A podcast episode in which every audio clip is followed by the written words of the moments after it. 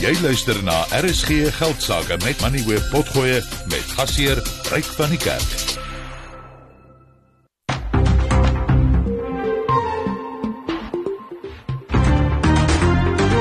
Jy luister na RSG Geldsaake met Ryk van die Kerk, jou betroubare bron vir sake en beleggingsinsigte.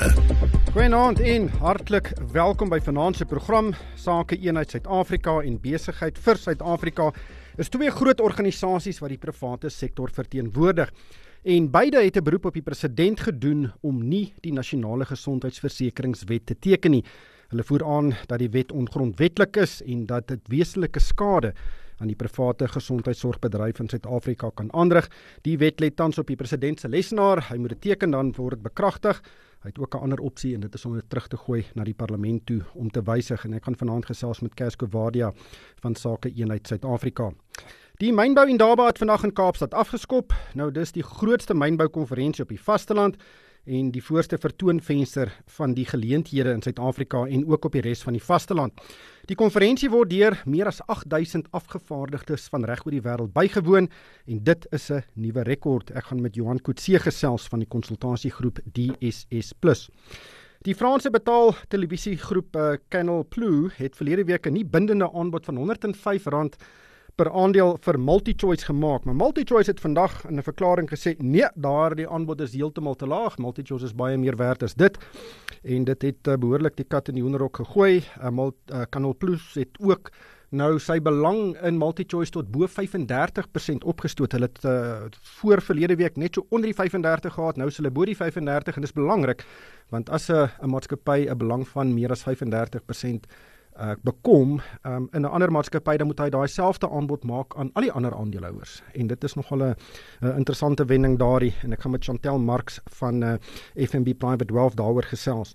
Dan die minimumloon sal van 1 Maart af R27.58 per uur wees. Dis 8.5% hoër as uh, die huidige minimumloon en dit beteken 'n loon vir 'n 8 uur werksdag styg tot R220 en ek gaan met Tenis Dubison van Solidariteit Navorsing daaroor gesels.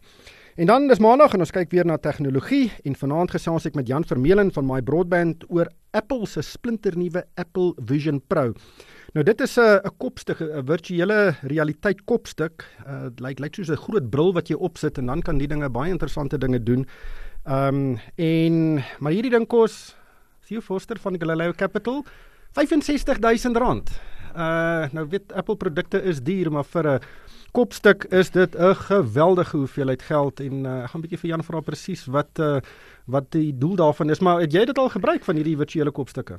Ehm um, ryk Goeienaand. Ek het dit al gebruik wanneer dit op uitstalling is, maar ek dink nie ek sal R65000 betaal om eene te besit nie, maar ek verneem ehm um, hierdie tipe goed is uitstekende tegnologie en ek dink dit gaan 'n groot rol speel, maar ek dink eers dit gaan bekend word of algemeen gebruik word as daai prys beduidend laer word. Sal jy R65000 vir 'n Apple rekenaar betaal? uh nie nie R65000 nie, maar ek sal 'n premie betaal vir kwaliteit rekenaar, maar nie R65000 nie. Ons gaan by Jan hoor hoekom mense bereid is om uh 3500 dollar of R65000 neer te sit vir dit. Maar kom ons kyk eers na die markte. Henko Creer sit soos gewoonlik reg. Uh Henko oor na jou. Hallo Ryk en Theo en goeienaand aan elke luisteraar. Die JSE se indeks van alle aandele het vandag 0,5% laer gesluit op 'n vlak van 73034 punte. Die nywerheidsindeks het onveranderd gesluit, die finansiële indeks 0,1% laer en die hulpbronindeks sommer 2% swakker. Glencore het daartoe bygedra. Glencore het vandag 2.5% verloor. Anglo en BHP het elkeen 1.5% laer gesluit en Naspers en Prosus asook Standard Bank en First Rand elkeen 0,5% laer. Mynbou aandele het vandag swaar gekry. So gepraat van die mynbou en daarby wat tans aan die gang is. Implats het vandag 4% teruggesak. Sibanye Stillwater 3.5% laer. Northam en South32 verloor elkeen 3% en Kumba en Harmony elkeen 2.5% swakker. Aan die positiewe kant het Telkom vandag 'n beter dag gehad, 2.5% stewiger gesluit. Pick n Pay en Aspen het elkeen 2% gewen en Clicks, Santam en Reunert elkeen 1.8% stewiger. Op die kommoditeitsmark is die goudprys nou 2020 dollar per fyn ons, platinum verhandel teen 895 dollar en palladium teen 950 dollar. Brent olie staan nou op 77 dollar per vat. Die dollar is lekker sterk vandag en die rand swak nou R19.07 teenoor die Amerikaanse dollar, dan R23.88 teenoor die Britse pond, R20.45 teenoor die euro en R12.35 teenoor die Australiese dollar. 'n Bitcoin verhandel teen 42700 dollar en dit is 833000 rand. Dan hier laaste die plaaslike staatseffekte die R186 gee nou vir jou opbrengs van 8,7% en die R209 verhandel tans teen 11,6%. Enke baie dankie. Theo, dit was 'n baie rustige dag op die beurs. Ons het nog nie baie van hulle hierdie jaar gesien nie. Ehm um, min aankondigings, uh, nie werklik prysbewegings nie, uh, asof uh, sake maar net eintlik moet wees soos wat dit uh in die verlede was. Ek praat nou van baie jare gelede waar daar enige aankondiging was, was dit groot nuus. Nou is daar niks is nie, is dit 'n uh, 'n baie baie stil dag. Maar jy moet seker sulke dae ook hê. Ja, en jou jou nadeel gewoonlik van 'n stil dag is dat markte beginne soort af sywaarts beweeg en gewoonlik sywaarts afrag beweeg. En dis presies wat ons vandag gesien het. Ehm um, die rand het verswak. Snaaks genoeg die rand het, het teen alle geldeenhede verswak. Nie baie nie, maar dit effens swakker verhandel. En ek dink net daar's daar's nie vars nuus nie. Ehm um, ons het verlede week en die week daarvoor het ons 'n klomp ekonomiese aanwysers gekry. Ehm um, hierdie week dink ek gaan gaan die markte maar fokus op of daar enige nuus gaan wees donderdag aand met die opening vir die staatsrede met die opening van die parlement en dan natuurlik vorentoe kyk na die na die verkiesing toe, maar daar's nie vorentoe kyk eers na die begroting en daarna na die verkiesing, maar daar's nie vars nuus of niks wat regtig 'n markpersepsies of markwaardasies verander het vandag nie. Terwyl Henko nou die aanwysers gelees het, het hy ook verwys na staatseffekte. Nou die die groot staatseffek in Suid-Afrika of die belangrike een is die 10 jaar staatseffek en dis waar waarop uh, baie klem gelê word om te kyk na die beleggingsrisiko in Suid-Afrika. Op die oomblik staan hy op 9,8%. Dis korrek. 9,8% as ons kyk die inflasiekoers van rondom 5% uh weet gee 'n persent 'n halwe persentasiepunt heen en weer dan praat mens van 'n 'n reële opbrengs hier van rondom 4,5-5% ja. wat eintlik taamlik goed is, maar dink jy dit weerspieël die risiko wat Suid-Afrika vir beleggers inhou? Ryk, dis 'n dis 'n baie moeilike vraag. Um, ek dink eerstens as jy kom na die akademiese teorie. Akademiese teorie sê vir jou die koers van staatseffekte is die laagste risiko-instrumente in 'n land. En die uitgangspunt is as die owerheid nie meer sy verpligtinge kan nakom nie, dan baie ander dele van die ekonomie lankal al begin in duie stort. So dis dis wat die teksboek vir jou sê. Nou op hierdie stadium, jy's reg, die 10 jaar effek verhandel teen 9,8% wat 'n beduidende reële opbrengskoers vir jou gee. En dit plaas Suid-Afrika in lande wat nie ehm um, gemaklik toegang het tot internasionale markte nie en wat nie gemaklik geld opbrengskoerse kan kry nie. Ek meen ons is nie ver van byvoorbeeld wat teen die Oekraïne leen nie. So dis waar ons op die oomblik geplaas word. Ehm um, as jy dit terugkyk en jy probeer Suid-Afrikaanse skuld waarborg of onderskryf kry, dan beteken dit daar's 'n implisiete risiko dat ons kan op ons skuld wanbetaal van so rondom 4%. Dis relatief laag. Ehm um, die vraag is nou, word jy vergoed vir daai klein kans in hierdie 4% reële opbrengskoers?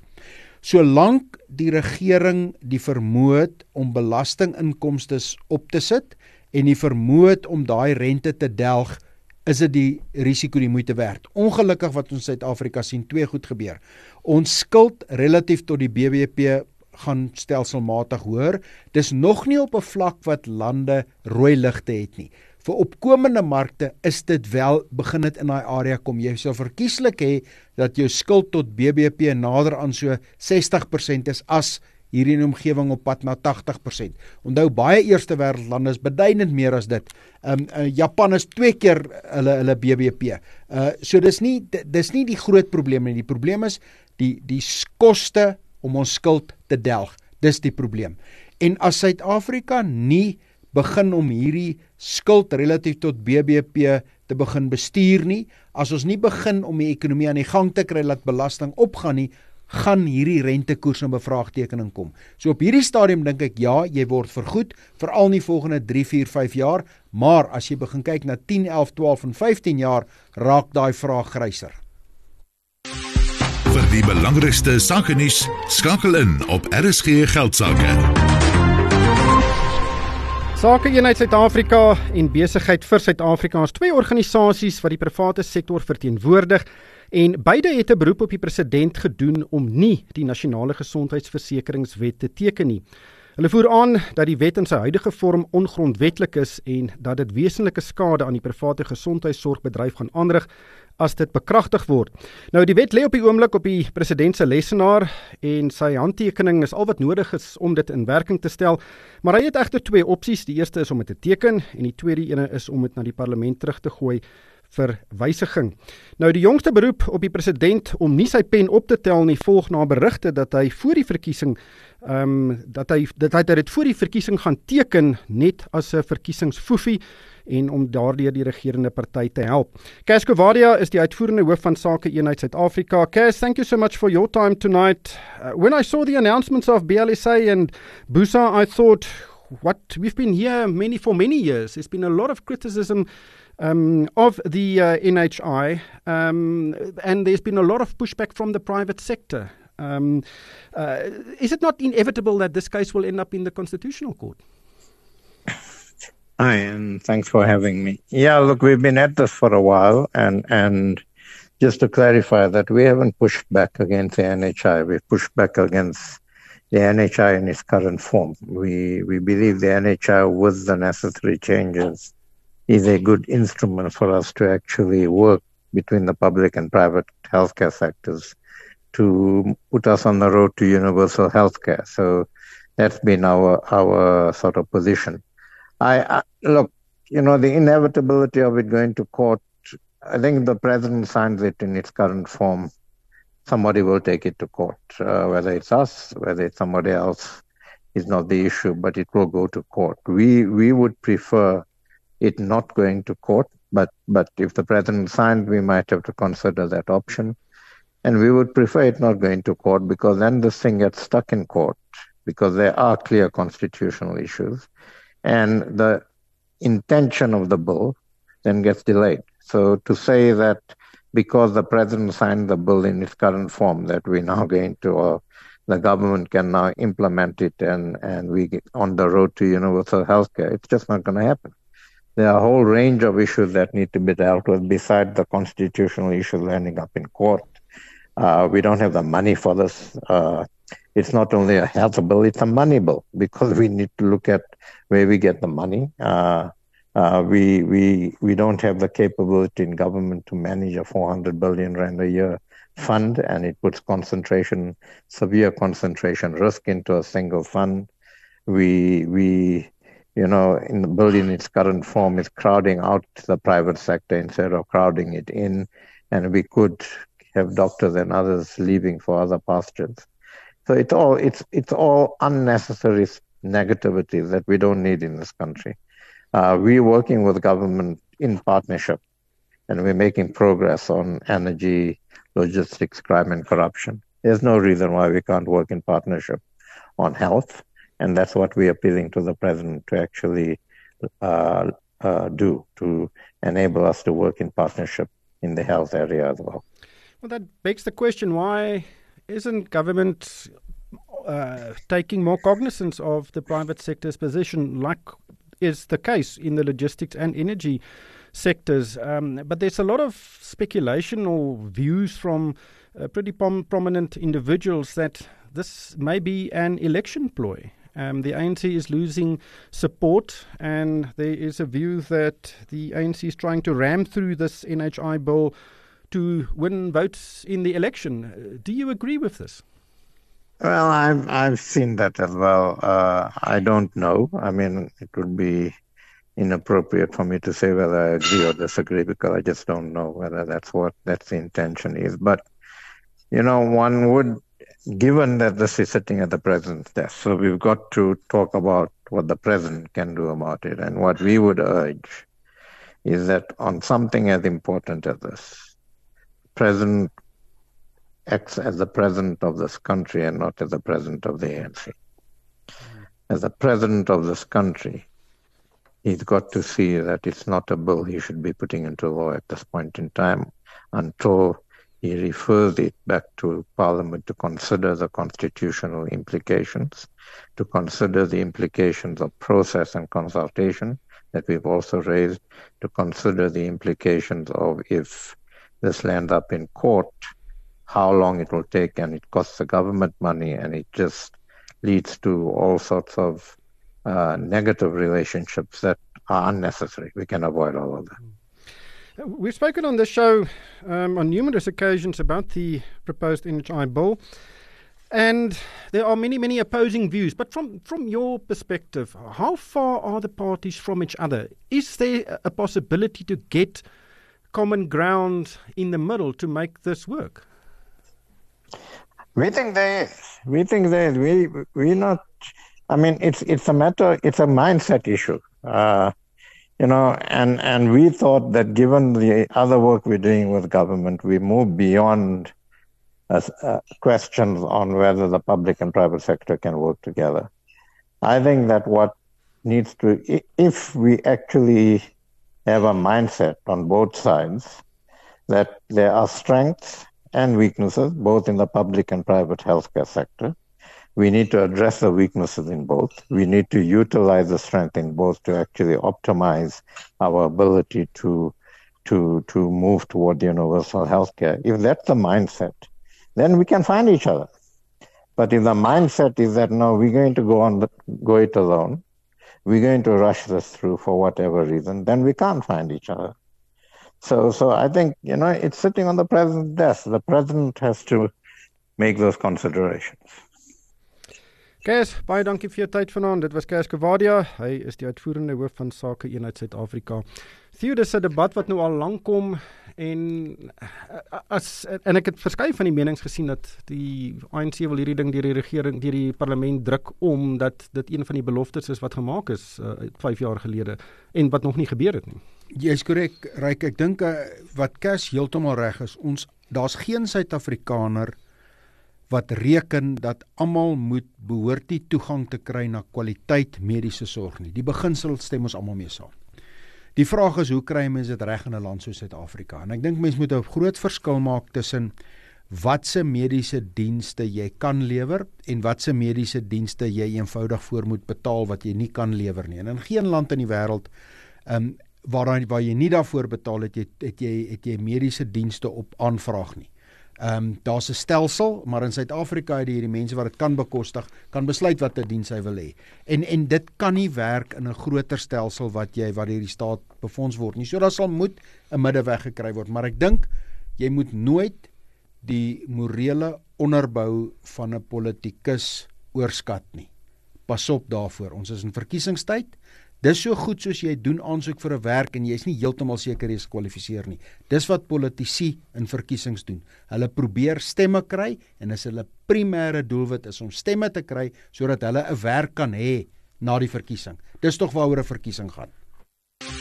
Daar is geen geld sake met Moneyweb. Elke week saam tussen 6 en 7.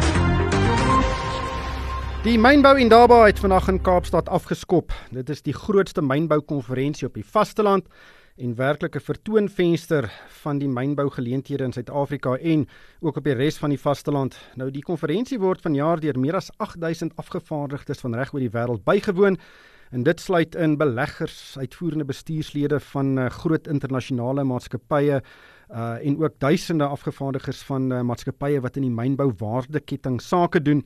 Daar was ook verskeie regeringsafgevaardigings of afvaardigings van lande op die vasteland. En die tema van vanjaar se Indaba is omhels die krag van positiewe ontwrigting. 'n kragtige nuwe toekoms vir mynbou in Afrika. Johan Kutse is die hoof van mynbou en minerale by DSS Plus en dit is 'n mynbou konsultasiegroep. Johan, baie welkom by die program. Eh, die 8000 afgevaardigdes is skynbaar 'n nuwe rekord. Ehm um, dis nou nie altyd 'n aanduiding van belangstelling as daar baie mense by 'n plek opdaag nie, ehm um, veral nie in Kaapstad nie en veral nie as dit koud is in Europa en uh, is lekker sonnig in die Kaap nie. Uh maar dink jy hierdie meer afgevaardigdes beteken daar's dalk bietjie meer belangstelling in mynbou op op die vasteland en in Suid-Afrika? Ja, goeienaand Ryk, ja, baie dankie. Dit's dis 'n uh, dis interessant dat jy dit noem. Ek meen die 8000 afgevaardigdes kom uit 126 verskillende lande. En ek dink die gesprek vind plaas binne 'n konteks waar daar mense oor die industrie eens is dat Afrika 'n groot rol moet speel in die voorsiening van kritiese minerale. So ek dink daar is definitief 'n saak om uit te maak vir die feit dat dit 'n teken is van belangstelling um, en definitief 'n opgewondenheid maar ook dink ek 'n bekommernis binne in die industrie ehm um, van waar die voorsiening van al hierdie kritiese minerale vandaan gaan kom. Ja, kyk, die minerale is in die grond, dit moet uitgehaal word, dis 'n duur proses om te doen. Dis langtermynprojekte, daar moet sekerheid wees. En ek het nou verskeie berigte gelees oor wat uh, president Cyril Ramaphosa en die minister van minerale bronne en energie, Gweri Mantashe, um, gesê het hulle was vandag by die um, Indaba en dit was vir my baie dieselfde boodskap as 'n jaar gelede. Jy weet veral rakende die Suid-Afrikaanse bedryf waar ons het logistieke probleme, ons het, het elektrisiteitsprobleme. Ehm um, en maar ons is in die proses om dit reg te stel, maar dit was dieselfde boodskap as laas jaar. Waar is Suid-Afrika nog op hierdie beleggingsagenda op die vasteland? Ja, ek dink daar's daar's 'n uh, daar's 'n redelike konsensus oor die feit dat Suid-Afrika 'n belangrike rol moet speel binne in die breër konteks van kritiese minerale. Ek dink in die konteks van die gesprekke wat hier plaasvind en ehm um, op die op die rug van die president en die minister van minerale en energie sake se toesprake. Ek dink die konteks vir daai ehm um, werk wat moet plaasvind en die verandering wat moet plaasvind het 'n klein bietjie verander. In die sin dat baie ander lande wat ook hier verteenwoordig is, gee dieselfde boodskap aan beleggers om te sê kom belê kom belê in ons land ons gaan die probleme oplos rondom infrastruktuur um, ons gaan vir julle die omgewing skep waarin julle kan belê ons gaan julle sekuriteit gee van julle um, mineraalregte en ons gaan julle help om hierdie produkte te te um, uit te voer of of wat wat ook al die vereiste is rondom waar in hierdie verskillende waardeketting die die lande moet wees so ek dink die die konteks vir Suid-Afrika as dit daar nou op die vasteland baie kompetisie is ehm um, vir beleggers se aandag. Ehm um, en ek dink dit is dalk belangrik dat dat al die rolspelers uh, moet bewus wees daarvan. So as ek reg verstaan Afrika of ander lande in Afrika begin baie aanloklike aanbiedings maak vir beleggers en sê luister julle is groot internasionale groepe julle weet hoe om uh goed te myn kom myn in ons lande en ons gaan dit vir julle die moeite werd maak. Ehm um, en dis nie heeltemal die boodskap wat Suid-Afrika elke elke dag uitdra nie. Ja, ek meen om om by te voeg by wat jy gesê het, ek dink baie van die lande het so ver gegaan om om om, om via die regerings te sê dat daar self hulp sal wees vir junior mynboumaatskappye. Ehm um, en ook belegging van die regering se kant af om ehm um, om eksplorasie aan te moedig binne in die lande. Nou soos jy self reg ook gesê het, mynbouprojekte vat 'n lang tyd om te ontwikkel en 'n groot tyd hoeveelheid tyd word spandeer in die in die eksplorasie gedeelte om die om die geologiese ehm um, formasie te definieer. So baie van die lande het ook gesê hulle is bereid om aan daai kant van die ehm um, ontwikkeling betrokke te raak. Ehm um, wat wat verseker die landskap so klein bietjie verander. Watter lande in Afrika dink jy het 'n goeie prospektus wat hulle op die tafel sit wat dalk 'n goeie innoverende idees het om belegging te lok. Wel ek meen daar was vandag al 'n klomp toesprake van baie verskillende lande ehm um, baie van hulle uit Wes-Afrika. Ek ben onlangs was daar baie ontwikkeling in Botswana en lande net in ons eie ontwikkelingsarea. Ehm um, daar's definitief teenwoordigheid van Namibië en 'n paar van die ander lande in ons onmiddellike omgewing. So ek dink daar's meer as genoeg ehm um, spelers in daai omgewing wat wat kompetisie sal wees vir Suid-Afrika. En tussen die voorleggings en die toesprake deur daar in die wandelgange, daar waar mense koffie en 'n tee drink, eh, wat wat is die die trant van uh die gesprekke veral oor Suid-Afrika? Ja, ek dink weet ons is nie immuun teen teen die onsekerheid wat bestaan wêreldwyd nie. Ek dink daar's baie geopolitiese onstabiliteit wat baie onsekerheid veroorsaak in die kommoditeitsmarkte. So daar's baie gesprekke rondom daai onsekerheid. Ehm um, daar's ook die wêreldwye tendens dat 'n groot hoeveelheid mense wêreldwyd in die volgende jaar ehm um, deur een of ander vorm van verkiesing gaan gaan. Suid-Afrika uh, is maar net een van die lande waar daar 'n verkiesing gaan wees. En al hierdie goed veroorsaak baie onsekerheid ehm um, vir die on, nie net vir die beleggingsomgewing nie, maar ook vir die pryse van kommoditeite vir die ehm um, die volhoubaarheid van mynbou uh, alles vind vind plaas in 'n konteks wat redelik onstabiel is. So ek dink baie van die gesprekke vind plaas rondom dit. Ehm um, ek sou sê een van die gesprekke wat ons nog nie so baie gehoor het hierdie keer nie was 'n bietjie bietjie rondom die die veiligheid in die industrie. Ehm um, ons sou graag uit ons perspektief het baie meer gesprekke wil sien rondom hoe maak ons die industrie inherënt veilig om mense om in te werk. Ehm um, maar daar's definitief baie gesprekke rondom volhoubaarheid ehm um, rondom ehm um, die die die vermindering van ons koolstof ehm um, impak op die op die wêreld. So so hierdie is, is min of meer die gesprekke wat wat in die gange plaasvind ehm um, rondom die Indawa. Dit in verwys na veiligheid, is dit nie gewoonlik die nommer 1 ehm um, agenda punt vir omtrent alle mynmaatskappye in die wêreld nie. Veiligheid kom eerste, maar dis kommerwekkend as dit nie meer heel bo aan die lys is nie. Ja, ek dink ek dink soos jy reg sê, dit is op die agenda van elkeen van die individuele maatskappye, maar ek dink daar's definitief 'n saak om te maak vir die feit dat ons as 'n industrie weer moet begin kyk na veiligheid. Ehm um, baie van die oorsake van hierdie ongelukke is bekend aan die industrie. En die oplossings vir daai probleem is ook bekend aan die industrie. Dis dis in die implementering van dit waar dit ehm um, baie keer skeefloop. Uh, en baie van die werk wat ons doen in die industrie fokus juis op die op die implementeringskant van baie van hierdie goed. So ek ek dink ons moet dalk ook begin kyk daar net soos wat ons kyk na volhoubaarheid, miskien ook kyk na veiligheid as 'n industriewye probleem. Ehm um, en daar's baie gesprekke wat plaasvind um, rondom die rol wat tegnologie speel. Ehm um, hoe kan ons tegnologie gebruik om om mense uit uit hierdie gevaarzones uit te kry ehm um, van mynbou en dan ook vir die vir die verdere um, prosesering van die minerale. Johan, baie dankie vir jou tyd vanaand. Dit was Johan Kutse. Hy is die hoof van mynbou en minerale by DSS+. Theo, dit kyk ek dink is nie 'n geheim nie. Ons het probleme in die land. Ons praat elke aand daaroor. Maar daar's 8000 mense in die Kaap. Hulle praat oor mynbou en natuurlik waar daar probleme is, is daar oplossings ook en ek dink dit is eintlik regtig positief om te sien dat daar so goeie reaksie is. Die reaksie is uitstekend. Dis blykbaar die 30ste jaar wat dit gehou word. So duidelik is daar belangstelling. En ek dink wat Johan reg is, um, kapitaal is skugter en langtermynkapitaal is eintlik maar 'n 'n lafaard. Langtermynkapitaal in die mynbousektor praat jy van 10 of 15 jaar. En vir enige iemand om 'n langtermynbelegging te doen wat jy die eerste klompie jare suiwer net kapitaal insit en dan kapitaal terugkry, moet jy die omgewing hê wat vriendelik is, wat jy kan voorspel, wat jy weet waar jy staan. En ek dink dis die uitdaging waar Suid-Afrika tans sit. Ons sukkel om 'n saak uit te maak oor oor 'n 10 of 15 jaar belegging gegee word die onsekerheid en ek dink dis waarom dit belangrik is dat ons net soos baie ander lande ons infrastruktuur sal moet regkry en die raamwerk sal moet skep dat kapitaal bereid is om 'n 10 en 'n 15 jaar siening te vat sodat ons die voordele van 'n kommoditeitsdraai kan kry en Johannes heeltemal reg baie van die met, van die elemente die metale die minerale wat nodig is in hierdie groen beweging is in Suid-Afrika en ons sal net eenvoudig ons huis in orde moet kry sodat ons die vrugte daarvan kan pluk.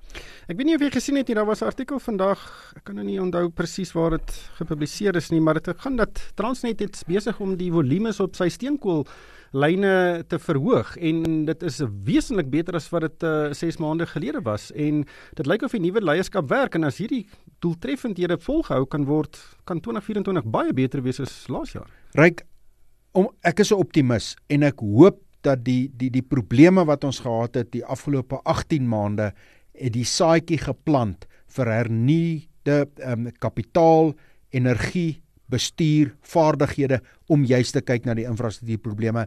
En en en hierdie beweging waarna Cascawadia ook genoem het van van openbare privaat samewerking dis waar ons oplossing gaan lê. Dis waar die kundigheid lê en dis waar die kapitaal lê. Onthou die staat se kas is leeg.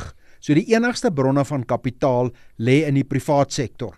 En om daai kapitaal te mobiliseer of betrokke te kry sal jy moet 'n raamwerk skep waar die kapitaal veilig voel waar daar 'n markgerigte opbrengs is en dis waar die oplossing gaan lê in Suid-Afrika. Daar is geen geld sake met Moneyweb, jou betroubare bron vir sake en beleggingsinsigte. Die Franse betaaltelevisiegroep Canal Plus het verlede week 'n nie bindende aanbod van R105 per aandeel vir MultiChoice gemaak en dit het uh, meegebring dat die aandeleprys lekker tot net onder R95 opgeskiet het. Dit was op 'n stadium bykans 30% hoër. Maar MultiChoice het vanoggend gesê sy direksie het die aanbod van die hand gewys. Die direksie sê dit het 'n onafhanklike waardasie laat doen en dat die waardasie baie hoër is as die R105 wat uh, Canal Plus aanbied. Nou ongelukkig het uh, die direksie nie die bedrag bekend gemaak waarop hulle die maatskappy waardeer nie.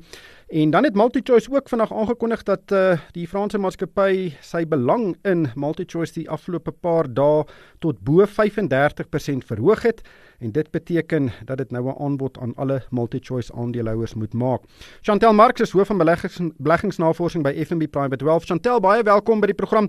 Dis 'n interessante koöperatiewe geveg wat my lyk like hier aan die uitbreek is. Uh wat wat dink jy van die ontwikkelings vandag waar die direksie net gesê het nee, R105 is nie genoeg nie?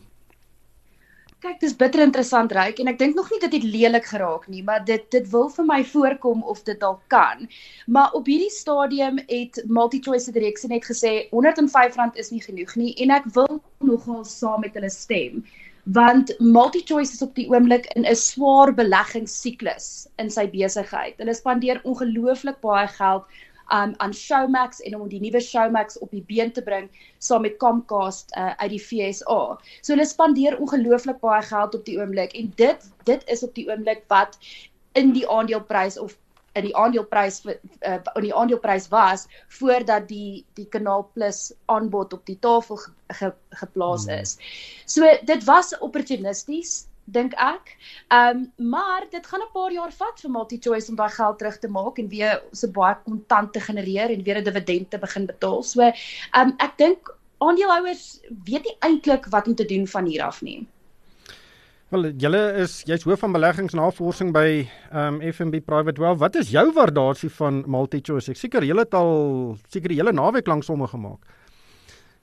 Ja, so ek weet ons ons waardasie van van MultiChoice is so tussen 115 en 130 rand per aandeel. Dit hang af ehm um, na watter spesifieke ehm um, model mens noodwendig kyk. So ons dink dat 105 rand is 'n bietjie te min.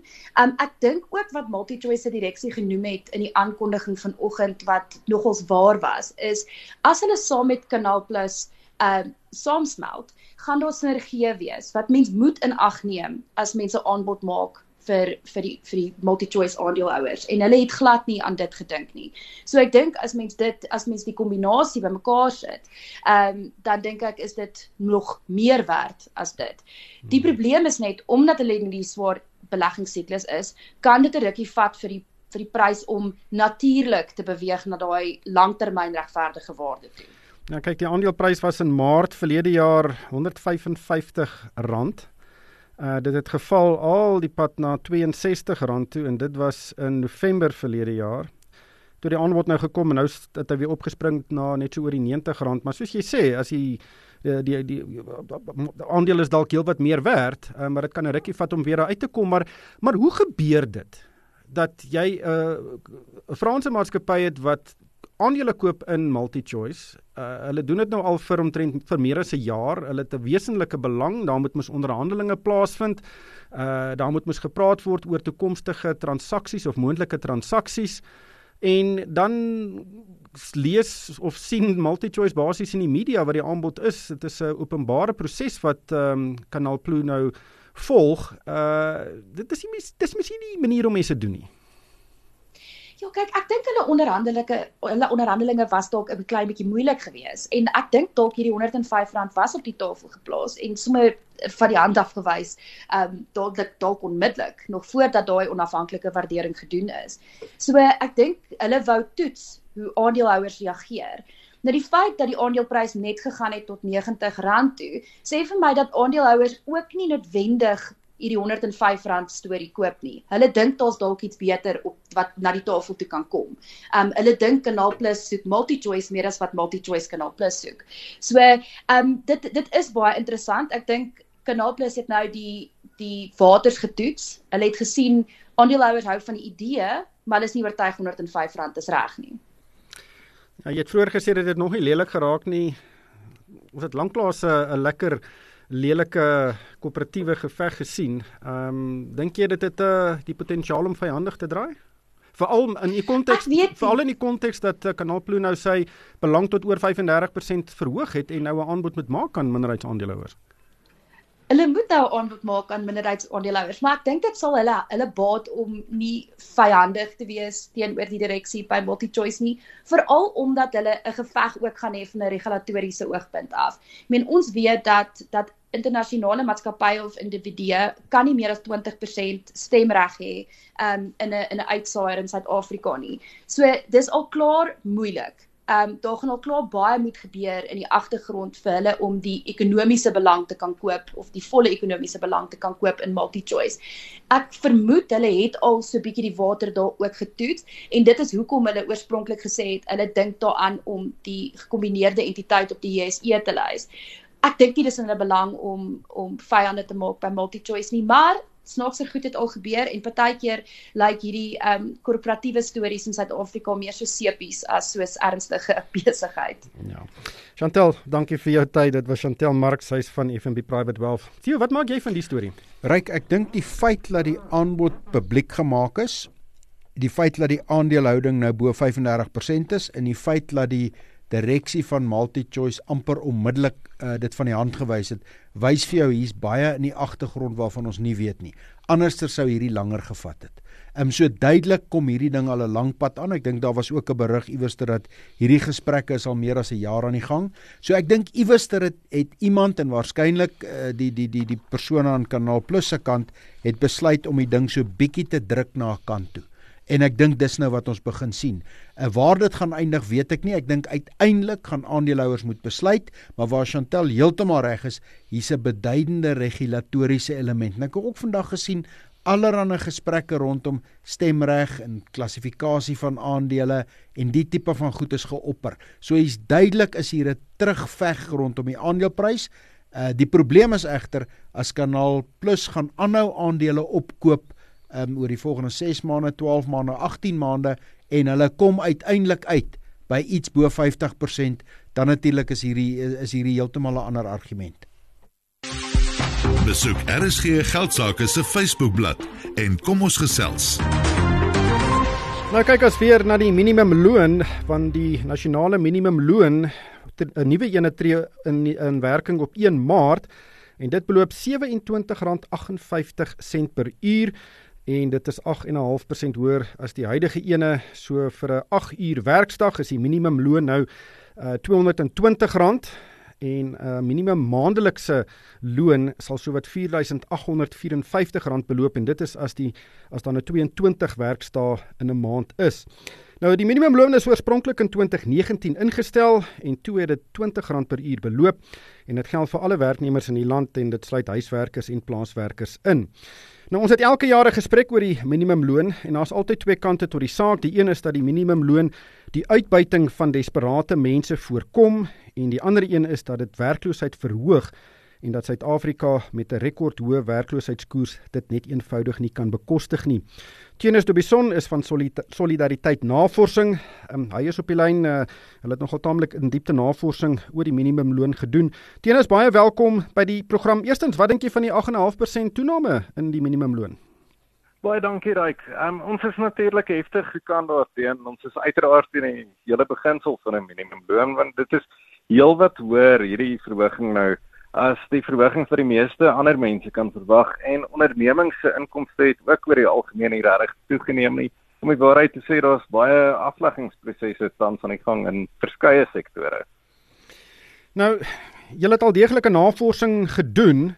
Uh en natuurlik sekere mense word bevoordeel deur 'n hoër minimumloon. Dit is ek dink daar's omtrent 3,8 miljoen mense wat die minimumloon in Suid-Afrika verdien. Maar dan aan, aan die ander kant is daar negatiewe um, aspekte soos minder mense kry werk want uh, sekere werkgewers kan dit net nie bekostig nie. Maar vertel ons van julle navorsing, presies wat dink julle is die impak van 'n minimumloon op 'n ekonomie? Ja, Ryk, um, dit het natuurlik 'n negatiewe impak op indiensname of nie noodwendig op mense wat reeds in diens is altyd nie op hulle ook, maar um, dit maak vinnige land veral ontwikkelde la, ontwikkelende lande baie onkompeterend. Jy kan byvoorbeeld as jy nou Suid-Afrika wil vergelyk met 'n uh, ander Afrika land, na Tansanië toe gaan ek kan daar ook toegang tot 'n hawe kry. Ek kan selfde tipe arbeid kry vir omtrent 'n kwart van die prys. So dit maak 'n ontwikkelende land se uitvoere vinnig onkompeterend. Dan sou ek ander navorsing dit wys dat in die meeste sektore staan nie noodwendige afname in werknemers nie, maar daar is 'n beduidende afname in die hoeveelheid ure wat werknemers werk elke keer wanneer die minimumloon verhoog word.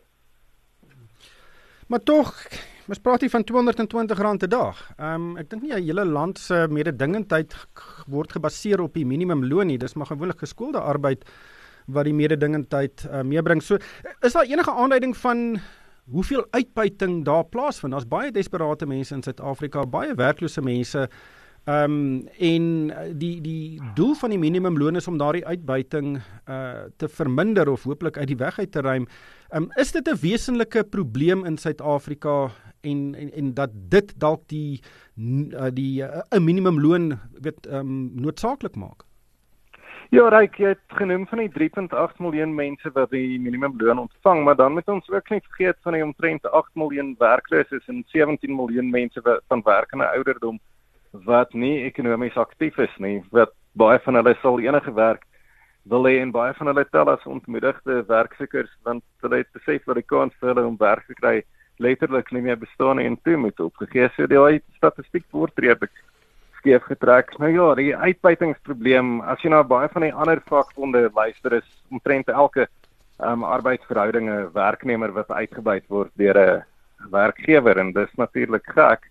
Maar ongelukkig is daar uitbuiting in enige bedryf en die minimumloon sal nie veel doen om die gedrag te verander dan iemand wat reeds nie homself steur aan regverdigheid of aan ehm um, regulasies nie. Hmm. En dit is vreemd dat ons altyd sê ons glo aan die beginsel van 'n gewillige koper en 'n gewillige verkoper, maar as dit by arbeid kom, glo mense vir een of ander rede dat werkers nie weet hoe hulle arbeid werd is nie.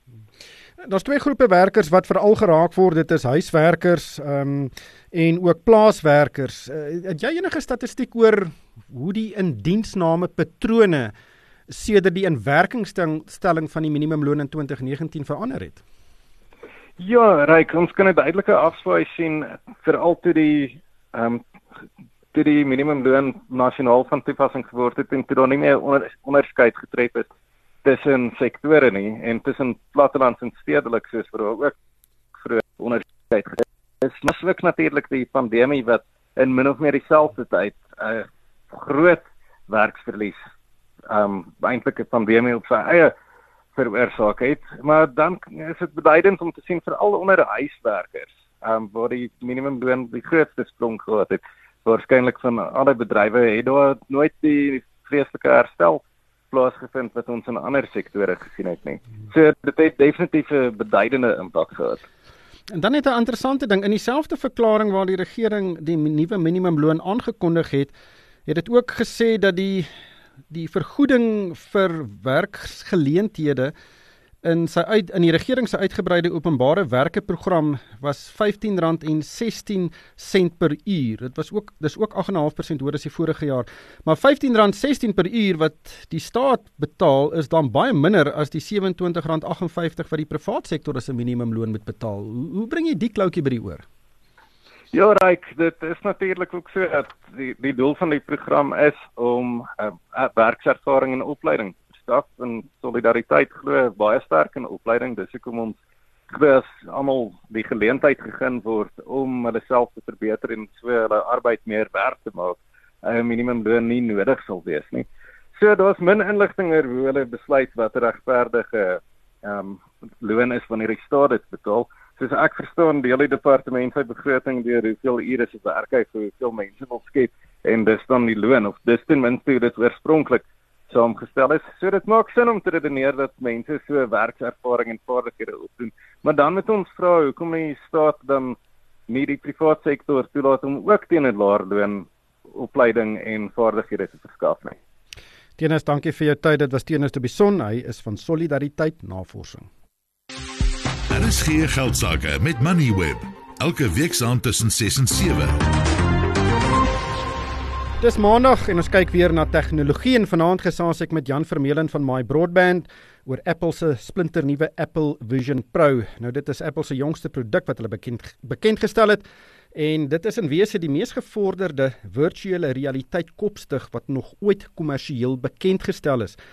Nou Apple beskou dit as baie meer as net 'n kopstuk waar mense na video's kyk of speletjies speel of virtuele vergaderings bywoon. Dit beskou dit as 'n revolusionêre ruimtelike rekenaar wat die manier hoe mense werk en speel dramaties gaan verander. Nou ons ken Apple produkte, dit is baie mooi, hulle werk baie goed en dit is baie duur en die Apple Vision Pro is al 3 vir alles wat by die prys kom. Die intree model is 3500 dollar of so 65000 rand. Jan, baie welkom by die program. Uh voor ons oor die prys gesels, wat is Apple se idee met hierdie Vision Pro? Goeienaand Ryk. Ja, dis uh dis natuurlik om in hierdie uh hulle hulle weier om dit um augmented reality of virtual reality te noem, maar dit is om in daardie uh uh deel van uh, die, rekenaarbedryf in te tree. Uh daar waar uh, Facebook nou Meta platforms um uh, uh basies die die, die gedomeineer met met Oculus. Um daar is natuurlik ander kopstukke um wat wat ook beskikbaar is, maar maar um Oculus um uh, besit uh, besit die mark aan die aan die PC kant van dinge. PlayStation het nat, natuurlik hulle goed en en Microsoft het het um so 'n uh, soortgelyke produk probeer met die HoloLens. Um maar um die enigste een met regtig kommersiële uh jy weet ge, jy weet uh gewoonlik um uh gebruikers uh, uh wat wat die to toerusting koop is maar Oculus wat nou nie meer Oculus genoem word nie dis nou Meta Quest um, is die naam van van Facebook se kopstuk. En um, en uh, ek dink wat um, wat Apple probeer doen en wat hulle anders maak is dit is nie net virtuele realiteit nie, dit is nie net VR nie.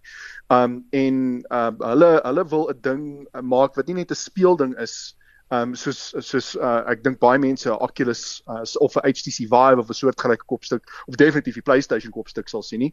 Ehm um, maar 'n ding wat vir produktiwiteit ook gebruik kan word. So ja, jy kan video's en in goed kyk, maar jy kan hom ook gebruik as 'n uh, as 'n gewone skerm vir jou Mac rekenaar.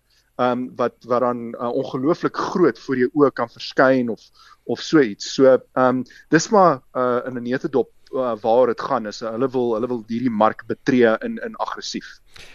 Jy, jy sê nou jy meer produktief maak. Ehm um, dis 'n baie duur groot skerm vir jou oë. Ehm um, maar is daar 'n is daar 'n toekomstige gebruik, 'n algemene gebruik vir hierdie kopstigte kop ehm um, kopstukke want jy sien hulle nie in die sakewêreld so baie nie. Inteendeel, ek dink ek het dit al een of twee keer gesien. Ja, inderdaad. Ek dink ons is nog 'n uh, 'n hele paar ehm um, uh, wetenskaplike deurbrake, nie net ingenieursdeurbrake nie. Daar's daar's nog ek dink daar's selfs nog ehm um, jy weet gewone wetenskaplike goed wat moet gebeur voordat dit regtig ehm um, so mainstream kan word. Uh, die die die groot probleem is hulle is swaar en hulle lyk lomp op jou kop uh, as jy um hulle kan uh, jy weet so eenvoudig maak en ons sien uh, Facebook wat met hierdie soort tegnologie speel, uh laat dit uh, net 'n net 'n amper soos 'n sonbril op jou kop sit. Uh dan kan ons kan ons miskien sien dat dit uh regtig um jy weet uh, soos soos amper soos die jy weet 'n nuwe rekenaar soos die slimfoon um meer gebruik sal sien in die in die kommersiële wêreld en die besigheidswêreld selfs by die huis. Um maar uh tot dan omdat dit so groot lomp stuk toerusting is op jou kop, gaan dit nie vir vir almal wees nie. Uh, ek dink Microsoft het dit erken met die HoloLens. Dis dis kom dit gerig het op 'n baie spesifieke mark. Hulle het gekyk na ingenieurswese en regtig um, spesifieke industrieë. Uh, terwyl uh, Apple met die Vision Pro dink ek uh, wat die die die sein wat hulle probeer stuur vir die mark is hierdie tegnologie is amper ryp dis amper reg. So um, ons gaan hierdie stuk toerusting uitsit dat mense kan begin toepassings vir hom vir hom bou want binne jy weet 2 uh, of 3 um iterasies van van hierdie kopstuk uh, gaan ons iets hê wat um, elkeen rap in sy maat gaan wil hê. Maar R65000 en dis die intree model. Hoe is dit geregverdig? Ja, uh, vir hierdie stuk toerusting ja. Ehm um, omdat dit in uh, ek dink nie ek kan nie onthou hoeveel Microsoft gevra het vir die oorspronklike HoloLens. Ek dink dit was aansienlik minder. Maar hierdie hierdie spesifieke ding, dis regtig dis 'n dis 'n uh, rekenaar wat jy op jou kop sit, maar ehm um, daarmee saam dis dis ehm um, 'n baie kompakte rekenaar wat jy op jou kop sit wat van uh bitter min uh batterykrag af moet loop en dan ehm um, het, hy, hy het soveel sensore in hom. Ek het ek het ehm um, telling verloor. Ehm um, daar daar so soos ehm um, met minstens 'n dosyn uh, sensore wat uitwys dat jy 'n spul wat na jou gesig kyk. Ehm um, ek seker mense het het die het die foto's en die video's gesien wat wys hoe jou oë deur ehm um, amper uh, dit wys dit lyk asof jou oë deur die kopstuk skyn uh wanneer jy uh, wanneer jy kan sien omdat hy uit ehm um, hy laat jou toe uh om die regte wêreld te sien en dan 'n um, volledige virtuele wêreld. En die kopstuk wys vir mense aan die aan die buitekant um of jy hulle kan sien of nie. En uh daai is alles um daai funksionaliteit word beheer deur al die sensore wat in die kopstuk gebou is. En ehm um, dan uh, daarmee saam daai selfde sensore gebruik hulle vir 'n soort vingerafdruk. Ja. So dis nou nie 'n retina scan nie, hulle gebruik dit sodat jy kan inteken op die rekenaar uh sonder dat jy 'n muis of keyboard of enigiets het. En dis die ander ding. Ja. Hierdie ding is gebou dat jy dit nie met 'n met 'n muis of keyboard of selfs 'n PlayStation controller of so iets uh, hoef te beheer nie. Jy doen dit net met jou vingers. Jan, dankie vir jou tyd. Dit was Jan Vermeulen, hy's van My Broadband. Uh sien net in 'n in 'n paar sekondes ek onthou nog toe Apple heel eerste iPhone bekend gestel het, toe ek hom aan my hand vas het, het ek gedink, wat op dese aarde rook hierdie mense? Ryk die die uitdrukking smokkel met jou kop. Dink ek is hier van toepassing. Hierdie wat Jan gepraat het, smokkel met my kop. Slaan dan met los. Sien, dankie vir jou tyd. Dit was die voorster van Galileo Capital en daarmee groet ons van my ryk van die kerk en die Money Web span. Dankie vir die saamluister.